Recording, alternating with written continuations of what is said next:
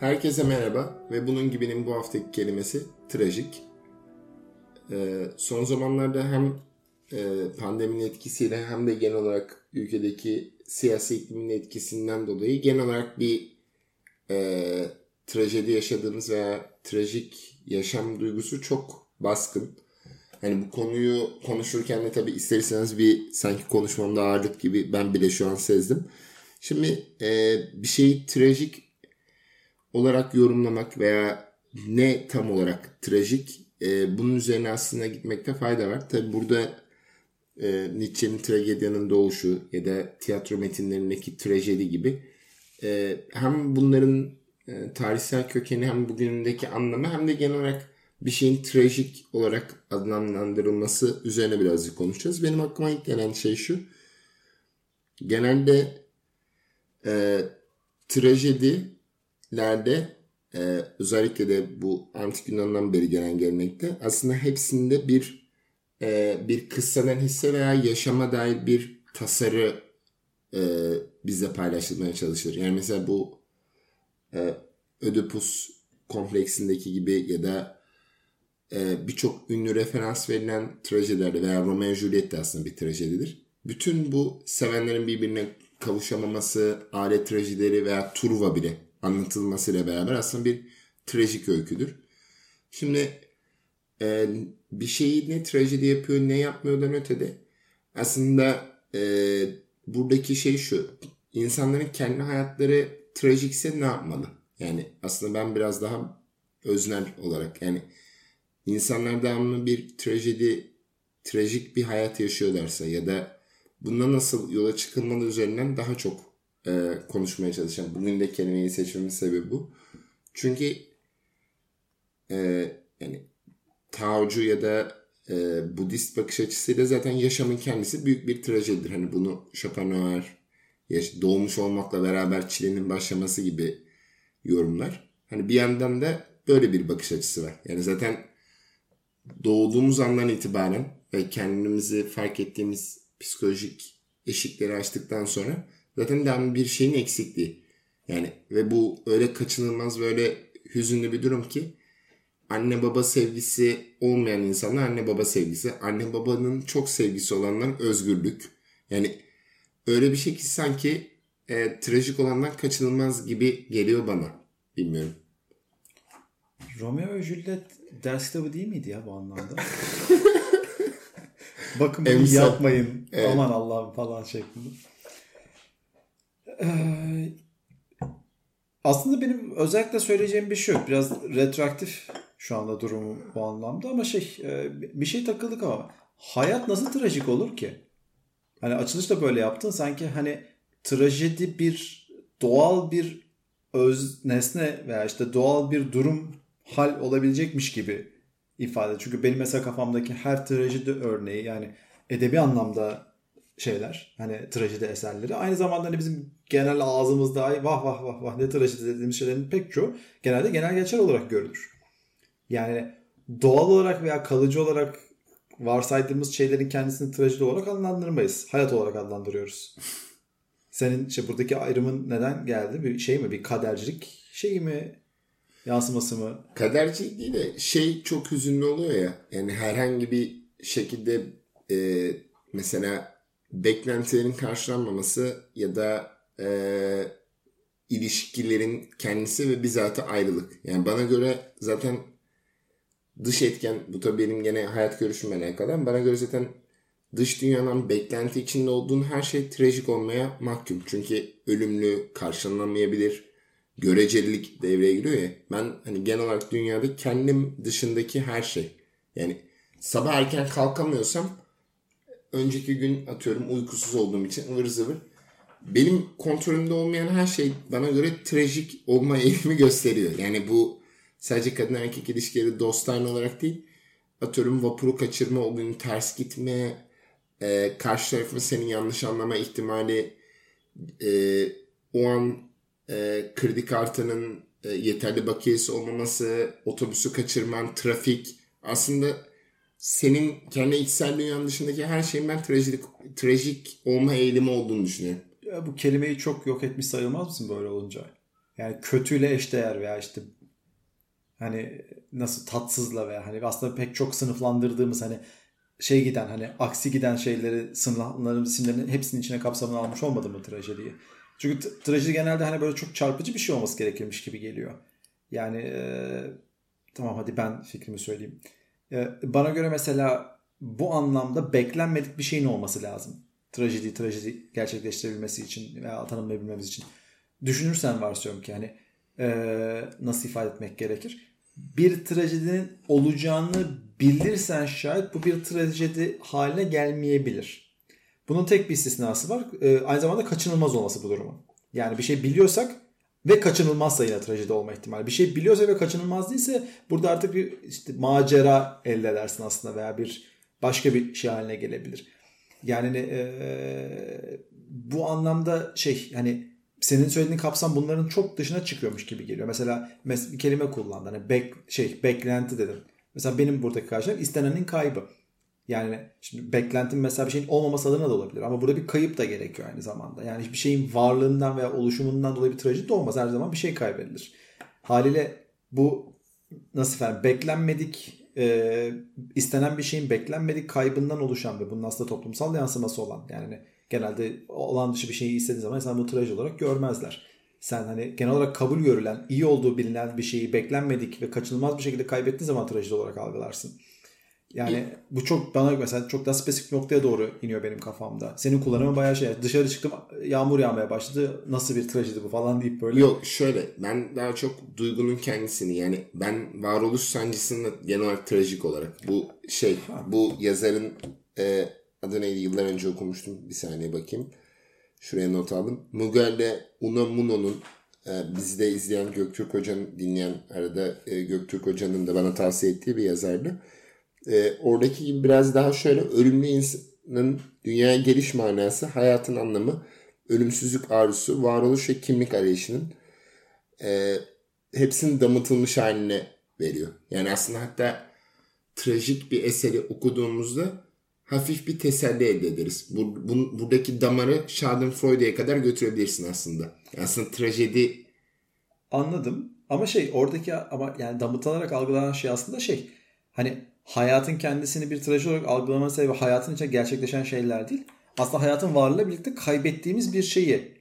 Doğmuş olmakla beraber kayıp başlıyor. Hayır ama kayıp başlayan şey herhangi bir şey değil. Yaşam içindeki şeylerin kendisinin bütünü e, hayatı bir trajedi, hayatın kendisinin bir mahkumiyet olması bunu trajedi haline getiriyor. Yani aslında bir bağımlılık, bir e, nasıl ifade etmek gerekir? Yani evrenin kurallarına ve o şeyin hani mutlak özgürlük olarak algılayabileceğin teorik bir alanın dışına çıkıyorsun. Ve o yaşam içindeki bütün çaresizlikleri de yani bu anlamda işte beklenmedik işte e, istenen şeylere ulaşamamak kaybı gibi şeyleri de yaşamak zorunda kalıyorsun. Bu zorundalığın kendisinin damıtılmış hali aslında hayatın trajik haline getiriyor. Yani varlık acısı yani Schadenfreude diye adlandırılan şeyin kendisini aslında tanımlıyorsun burada. Yoksa dediğim gibi hala dışarı çıktım yağmur yağdı tüh. Hani ya o daha doğru. Schadenfreude böyle bir şeyse ben kelimeyi kullanmayı bırakacağım mesela. Yok hani Schadenfreude başkasının acısına e, üzülme anlamında. Yani trajedi trajedi izleyince insan ruhsal olarak bir rahatlama olur ya. Yani aslında Romeo ve Juliet'te sevginin ulaşmaması aslında başka bir katarsis ve başka bir arınma hissi veriyor. Yani onu mesela bana göre mesela Dogville'de trajedi ama aynı zamanda mesela sosyolojinin kendisi. Yani tabi buradaki tutum şu. Bu acı ya da beklenti veya yaşamdaki bu trajik duyguyu şuraya e, bunu nasıl karşıladığımızla alakalı. Yani aslında burada bizim müdahil olduğumuz alan neresi? Burada Terry Eagleton'ın şeyi çok e, hoşuma gitmişti. Benim ilk benim böyle ilk fikir babalarımdan biridir kendisi de. E, mesela Macbeth'i şey olarak yorumluyor. Macbeth'te suçlu olanlar üç cadıdır. Üç cadı Macbeth'i gaza getirir. Macbeth'in başına gelenlerde Macbeth'in bir suçu yoktur. O sadece trenin rayında götürür. Üç varsa bir kötü e, Macbeth değildir.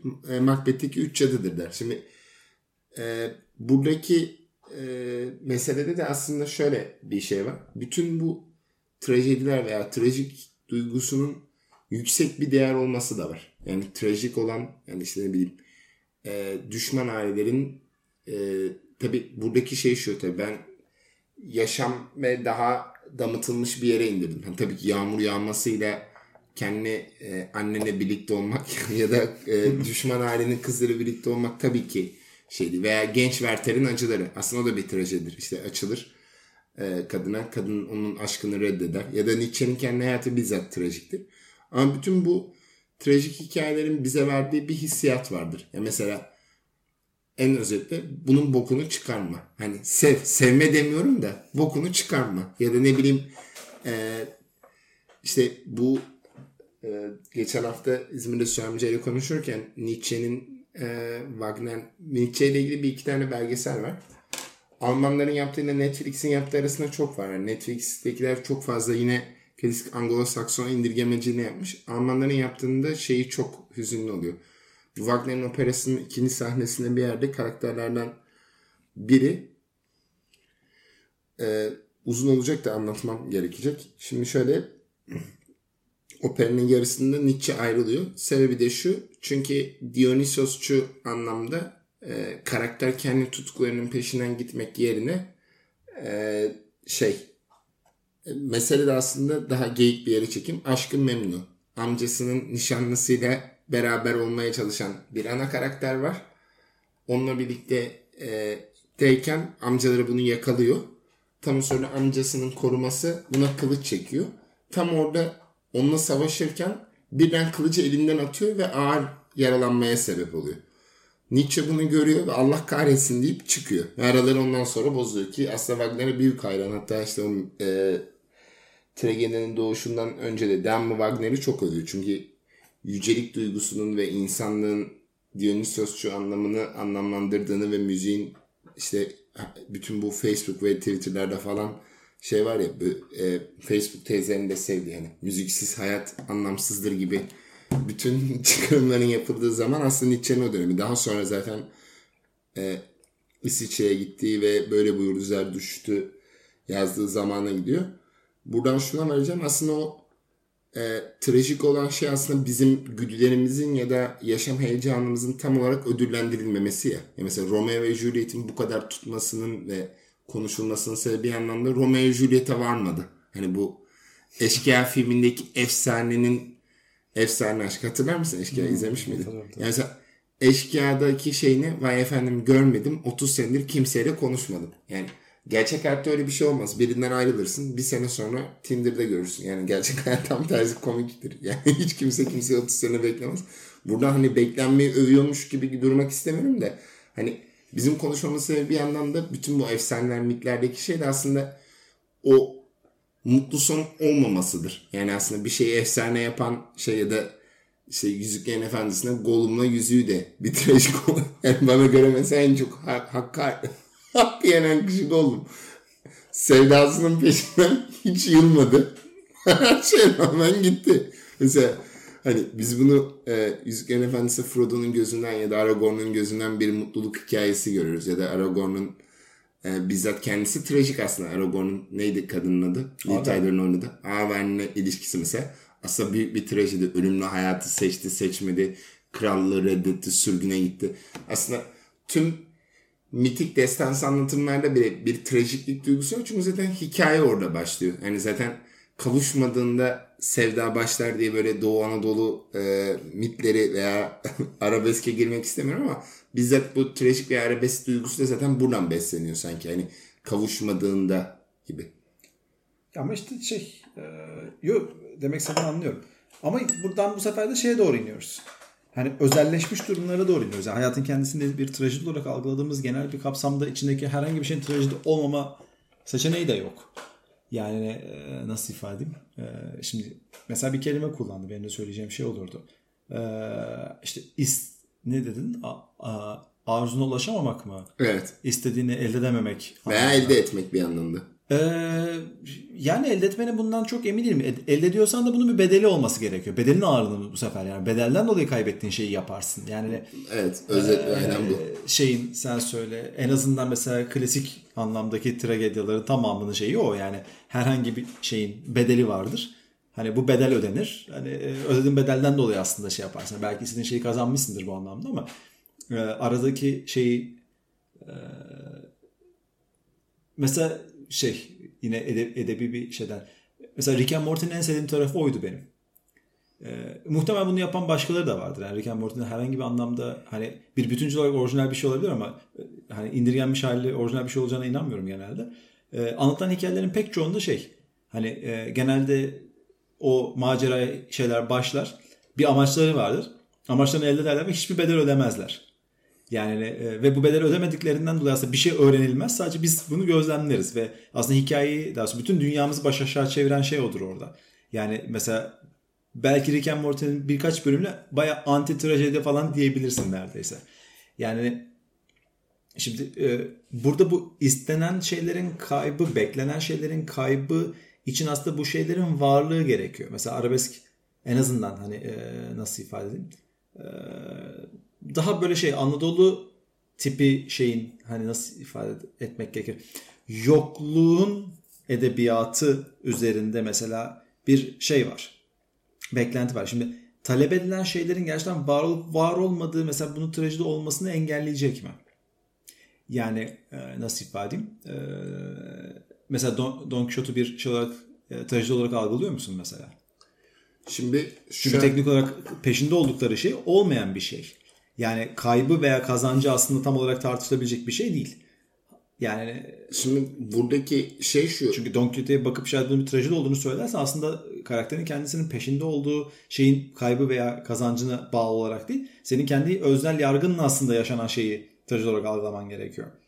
Şimdi burada buradaki mevzu şuraya kadar gidiyor. Zaten arzu ve neredeyse trajedi birbiriyle neredeyse e, cümle içine geçmek zorunda. Yani birbirini birbirinden bağımsız şeyler pek tabii ama çünkü aslında bütün bu e, asla erişemeyeceğimiz şeye karşı tutkun bir arzu duymamız. Yani bu sadece e, anneye veya babaya duyulan cinsel olarak değil uzakta olan bir ilişki. Lise zamandaki aşkın. Yani onlara onları çok iyi hatırlarsın. Yani geçmiş olduğu gibi hatırlamamak gibi. Aslında burada da yine trajik duygusu. Ya mesela ben de e, zaman mesela bana sorsan zamanı sonsuza kadar yaşama o zaman seni tanımıyordum ama o lisede hiç e, okul okulda umursamadım. O sınırsız özgür zamanı ve herhangi biri bile değil. Mesela somut bir şey bile yok ama hayattaki en keyifli şey yeni çıkan filmler ve kitaplar olup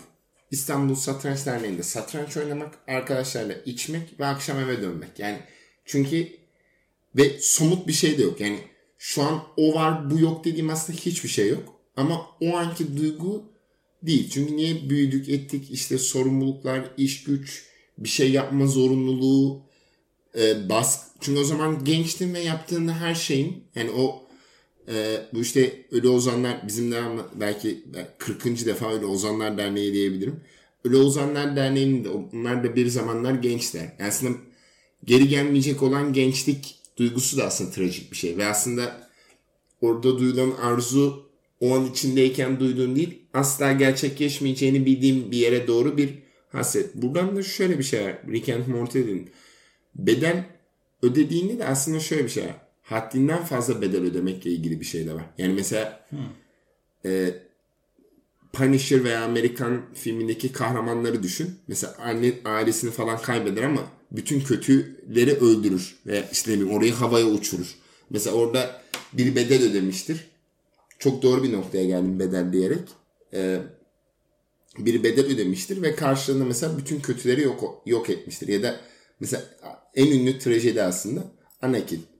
Yani seçilmiş olan bir... En ünlü demezdim ama. Ha, yani hayır, popüler kültürdeki aslında hani e, tam Romeo Juliet kadar ünlü değil ama hani Anakin Star Wars izlemeyenler bilebilir ya. Mesela hani şimdi Romeo ve Juliet dile pelesenk olmuştur ama içeriğini çok bir kişi bilmez. Ama Anakin'i Star Wars izlemeyenler bile Anakin ve Darth Vader artık popüler kültürün e, Romeo Juliet olmuş gibi bir şey ya.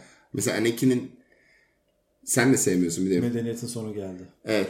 Neyse. Şimdi kastettiğim şey şu. Aslında Anakin'in hikayesinin zaten trajik olması bizi ona bağlar. Yani aslında tüm dünyaya hükmedecek kadar güçlüdür ama eşinin ölümüne engel olmaz. Hatta bizatihi kendisi buna vesile olur. Yani tam olarak bu verdiğimiz bedel bütün dünyanın hakim olmak, kaybedecek hiçbir şey olmamak, gözünün kara olması ama bir yandan da aslında bu bedelin çok ağır olması, ödenecek bedelin. İşte hatta onun psikanalitik çözümlemelerinde şey var.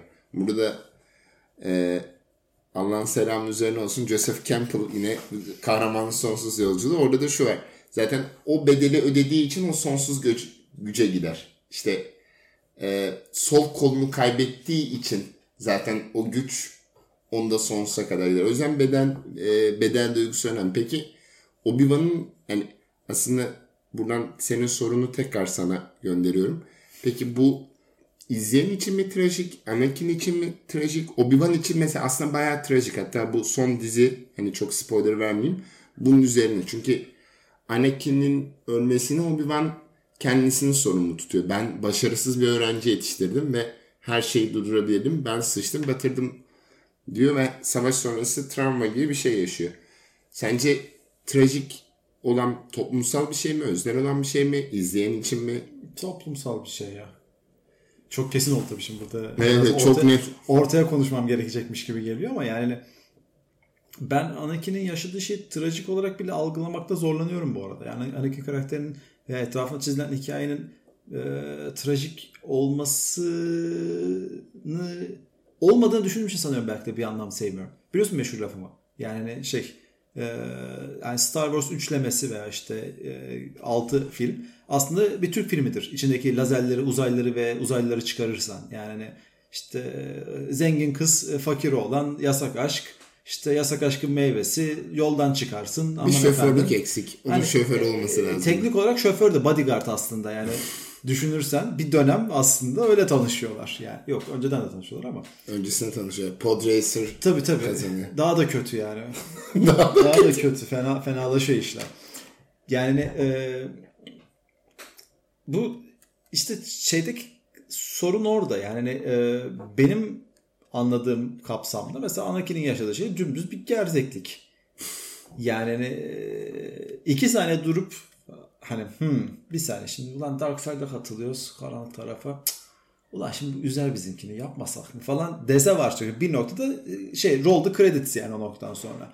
Yani kendi tercihlerinden dolayı bu noktaya gidiyor. Ama trajedideki yani mesela bunu Romeo ve Juliet'le karşılar. Romeo ve Juliet aslında kaderlerinin bu anlamda kölesiler, köleler. Bizim toplumsal olarak trajedi olarak algıladık ve benim de bu toplumsal algıdan çıkardığım şey burada.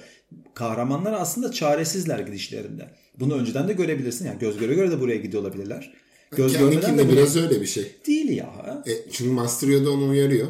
Master Yoda'nın ben kuyruğunu yiyeyim. Yani Master Yoda hiçbir şey konuşmuyor. Hmm, e, ne ne ne ne ne Yo ne. yo bilgece konuşuyor. Ya hadi oradan. O 300 yıl yaşasan söylediğin iki tane kelime sana da bilgece gelir. Çocuk zaten azmış kudurukluğundan de, ge- geberiyor kaç yaşındaki kadının peşinden koşturmuş. Aşkım aşkım diye peşinden gidiyor. Bütün o order'ı, Jedi order'ı satmaya hazır böyle. Söylediğin laf sence yetecek mi? Ya kardeş otur sen iki saniye şuraya. iç bakayım şurada bir parça ne, uzaylı içkisi neyse ondan falan deyip. Uzaylı içkisi. hani bir rakı hani işte sen söyle şey. Sigara tüttü. Tu- Tatooine'de rakı olarak adlandırılan şey neyse bir koyup bir duble hani konuşsalar durum çözülecek. Bunun yerine herkes artist. Yani hani E tabi işte buradaki yine e, üç cadı muhabbeti gibi aslında nerede iradesi başlıyor sorun da var. Anakin'in bir iradesi de yok zaten. Çocukken oradan çekele. Yok sen Jedi olacaksın al bakayım ışın kılıcını oraya götür. Kon- konseye sokalım sokmayalım yap son dakika falan yani. Bizim Can Koçak bizi e, dinliyor da e, birkaç tane bölümümüze ilgili de e, çok gördüğünü an- anlatmıştı. Orada da oradaki geyiklerden biri aslında şu. Ben yazmayı yetiştirebilseydim bana göre zaten Star Wars ana karakteri Obi-Wan. Bunu seninle daha önce de uzun uzun konuştuk. E, bana göre zaten Anakin'in hiç iradi bir seçimi yok. Bütün kararları veren kişi her zaman Obi-Wan. Onun eğitimini alması, öldürmeyi bırak, ölme, ölmeye terk etmesi, e, Jedi konseyine Ama girmesi. ikisinin arasında hala Anakin'in kararları geçerli abi. Yani şey high ground'a kadar giden alanda belki başlangıçta sonu arasında ilişki var ama arada Anakin'in çok kararı var. Hatta bir ara Obi-Wan yok neredeyse hikayenin bir kısmında yani. Tamam ama bütün belirleyici kararları veren kişi Obi-Wan. Mesela eğitiminde normalde Jedi konseyi istemiyor. Qui-Gon Jinn alın diyor. Qui-Gon Jinn de şey diyor Obi-Wan'ın son sözünde. Çocuğu eğit. Sözüm sana mirasım budur diyor. Ve aslında kendisi he- henüz hazır bile değil. Aslında orada şu iki tane boyutu var. Bir ben hazırım diyor. Artık eğitimim bitti. E, ikinci olarak da onu Jedi konseyine sokuyor. ikincisinde özellikle bu Clone Wars Clone Wars'ta şeyi çok ön plana atıyor. Anakin'i. Yani onu eğitmek için. Konsey ona hazır değil böyle bir göreve deniyor. O da diyor ki hayır hususi olsun diyor. Daha sonra hatta işte kendisinin Kontuk Kontuk'un peşinden gitmesi. Neyse Star Wars konuşuyor bulduk kendimizi. Ne olacak canım? Neyse e, açıkçası şöyle bir şey var. Yani e, bana göre e, bu bütün konuşmalarımızda da benim hayat görüşümü tekrar tekrar anlattığım gibi buradaki şeyde Tuğçe ile konuştuğumuzdaki bölümde de aslında aynı muhabbet olmuştu. Bana göre zaten bütün özgürlük alanı hayatın trajik olduğu bilgisini içselleştirdiğimizde yani e, aileler iyi ya da kötü olabilir. ilişkiler iyi kötü olabilir. Dostluk, arkadaşlık, meslekler her bütün dünyadaki ilişkilendiğimiz kişi, kavram ve topluluklar. Buradaki beklentilerin ya da umut etmemizin azaldıkça o trajedinin tesellisini de hissetmemeye başlarız. Yani aslında bütün problemi yaratan şey bizim o atıyorum kötü hakimin kötü bir kararı. İşte geçen günlerde kadın cinayetiyle ilgili olan karar. Yani buradaki bütün şey şu toplumsal sağduyunun zedelenmesi.